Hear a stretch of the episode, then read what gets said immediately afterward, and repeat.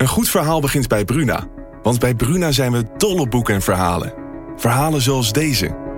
De slagen van de noodklok dreunen over het dorp. Zwaar en dreigend.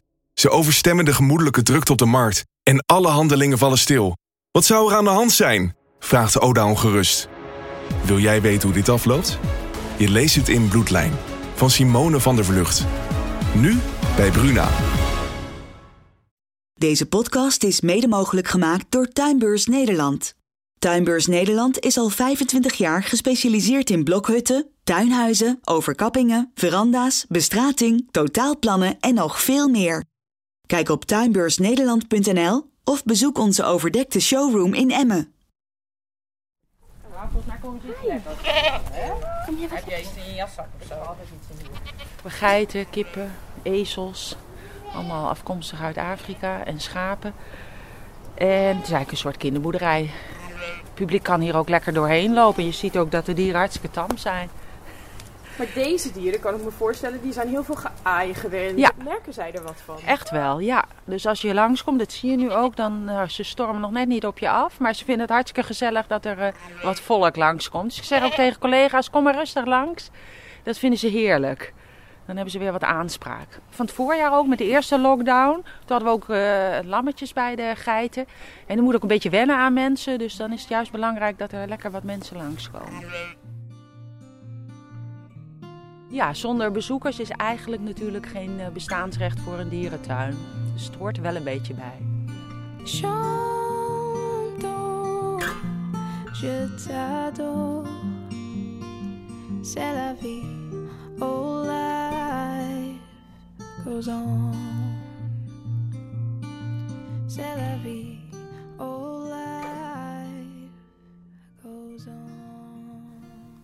Je luistert naar Hongerige Wolf, een podcast van Dagblad van het Noorden, waarin we je elke twee weken bijpraten over een actueel onderwerp.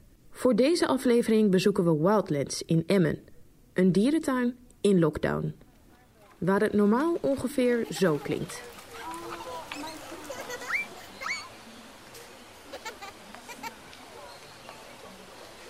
Maar nu zo.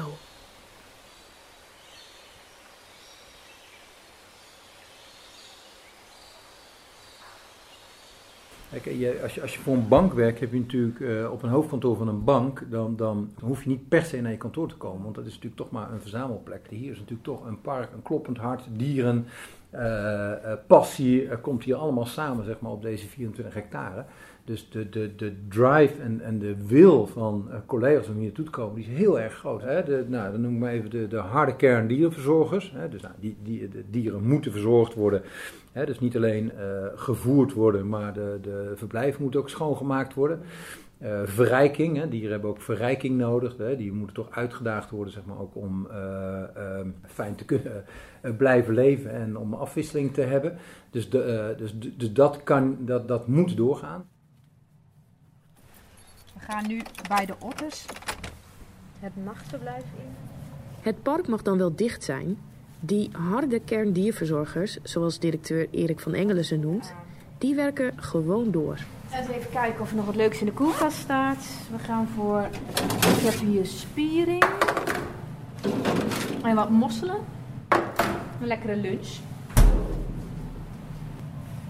En dan gaan we eens even buiten kijken of ze al wat willen eten. En otters kennen die willen altijd eten. En dierverzorger Mariska staat dan ook elke dag vijf keer aan het hek van de hongerige otters. Dus ze willen alleen wel direct doorhebben dat wij er aankomen. Want als er nu iemand aankomt, dan is het meestal een verzorger met eten. Kijk eens, daar liggen ze. Lekker te slapen, een gedeelte. Kom maar! De otters willen we ook uh, lekker bezig houden.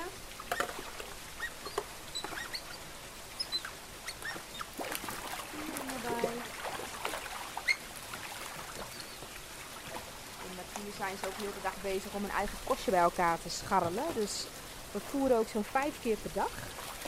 En dan heel veel kleine visjes, schelp- en schaaldieren, wat vlees. En het houdt ze lekker actief. Die otters die voelen de stilte in het park.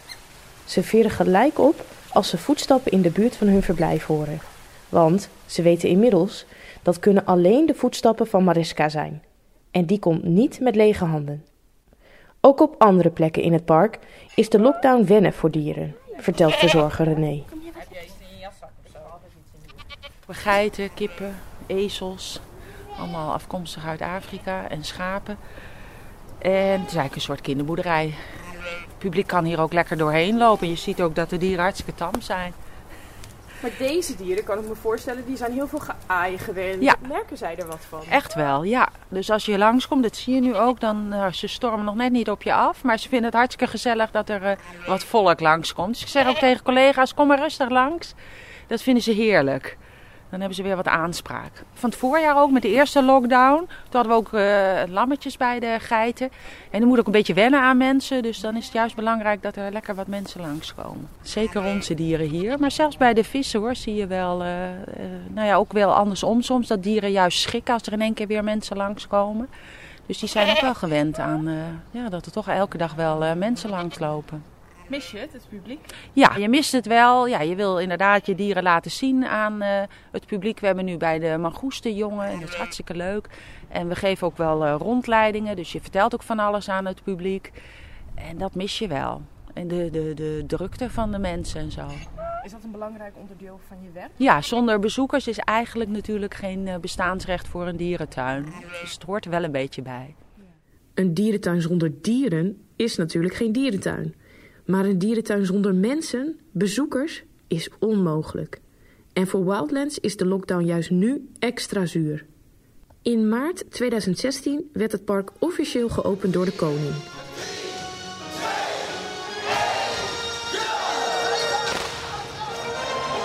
Wildlands was geen gewoon dierenpark, maar een adventurepark, compleet met achtbaan. Maar al snel na de opening vielen de bezoekersaantallen tegen en leed het park een miljoenenverlies. Het duurt nog zeker een aantal jaren voordat Wildlands in Emmen winst maakt. Vandaag maakte het park de cijfers over het afgelopen jaar bekend. Erik van Engelen werd ingevlogen als interim-directeur. Wildlands moest onder zijn leiding weer een echte dierentuin worden.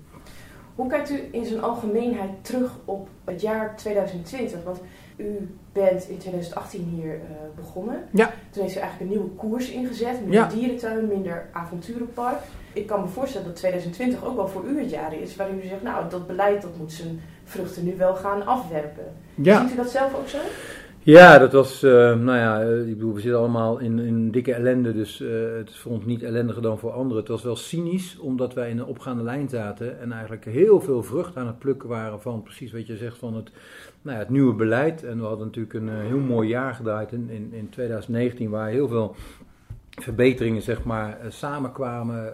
nou, we stonden, we hebben 930.000 bezoekers gedraaid, dat is natuurlijk in een jaar waar je alles overhoop gooit, is natuurlijk, nou, dat vonden we zelf een hele mooie prestatie. De bezoekerswaardering was enorm gestegen, waar, waarmee we op nummer 1 stonden in, in dierentuinland.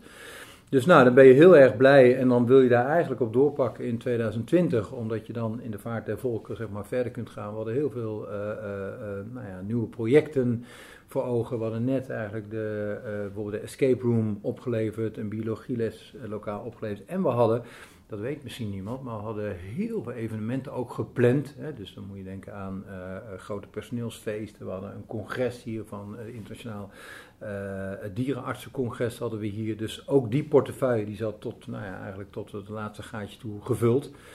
Nou ja, dus, dus hè, het is voor iedereen erg om dan de poort te moeten sluiten en voor ons ook. Alleen, ja, het was, het was, heel veel mensen zeiden het ook, jullie waren zo goed op dreef.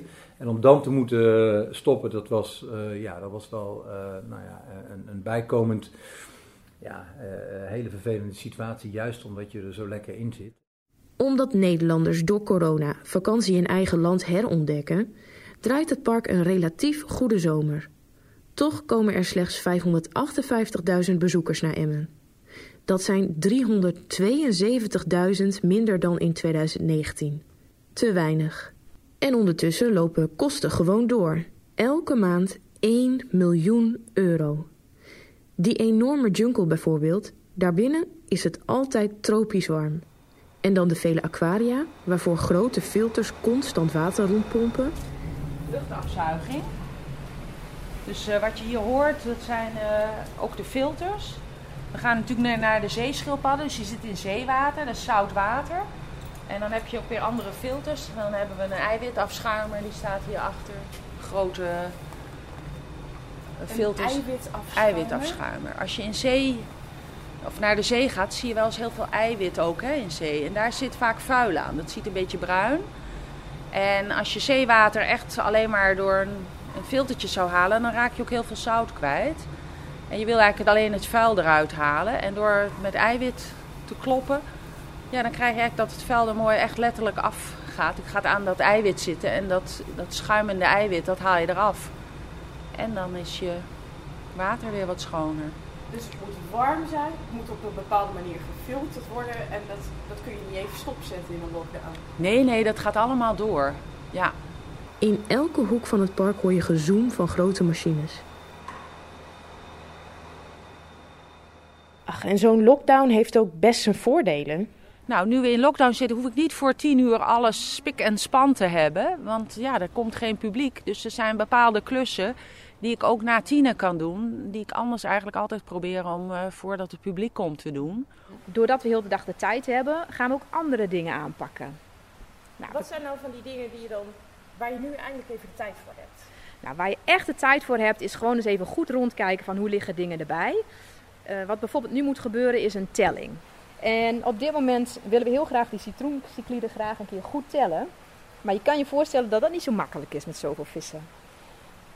Als je zoiets na tienen gaat doen, dan is het bijna onmogelijk. Want mensen vinden het natuurlijk ontzettend leuk om even te zien wat je aan het doen bent. Wij vinden het leuk om uit te leggen, maar van tellen komt dan niks.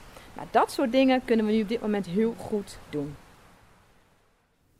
Maar op een gegeven moment zijn alle dieren echt wel een keer geteld. Dan zijn alle verblijven brandschoon en alle dieren gevoed. Echt ver vooruit durft Van Engelen nog niet te kijken. Ja, wie zal het zeggen? Kijk, het enige, eh, het enige eh, lichtpuntje is dat de maanden januari en februari normaal gesproken voor ons eh, maanden zijn waarbij wel open zijn, maar weinig bezoekers verwelkomen. Dan heb je wel veel kosten, maar weinig opbrengsten. Nou, dat is het enige lichtpuntje wat ik ook nu kan noemen. Besmettingsaantallen nu en een mogelijk Britse variant, ja, laat ik maar niet te veel in de toekomst kijken. Dat is echt wel ook wat ik geleerd heb van de afgelopen jaar. Je kunt, je kunt allerlei scenario's bedenken. Dus wij, gaan, wij zijn ervan uitgegaan dat het hele jaar, 2021, dat we nog last hebben van corona. Maar ik vind dat geen onrealistisch eh, scenario. Laten we hopen, zowel privé als zakelijk, dat dat zich niet gaat voordoen. En dat we het laatste kwartaal van 2021 eh, los kunnen gaan. Nou, hè, dan, hebben we, eh, dan hebben we opluchting en dan gaat het meevallen. Maar we gaan in ieder geval vanuit dat die beperkingen er zijn. Daar hebben we ook onze, eh, nou, onze, onze begroting eh, op gemaakt. Dus eigenlijk eh, eh, zitten we aan de, de, de veilige kant. Ja, en, en, en dit geldt denk ik voor alle ondernemers, dat we in de loop van het jaar moeten gaan kijken hoe, dat, nou ja, hoe, hoe het zich ontwikkelt. En, en dan moet je plannen weer bijstellen, eh, linksom of rechtsom. Het is overleven en ik denk dus, dus eh, mijn realisme zegt dat 2021 ook nog overleven wordt. Dit was Hongerige Wolf voor deze week. Genoot je van de aflevering? Laat dan een recensie achter. Dan help je ons zodat meer mensen onze podcast kunnen vinden. Dit is een podcast van Dagblad van het Noorden en hij is mede mogelijk gemaakt door Tuinbeurs Nederland. In deze aflevering hoorde je een fragment van RTV Drenthe. De muziek die je hoort is van Henna May. Mijn naam is Renate Winkel. Tot over twee weken.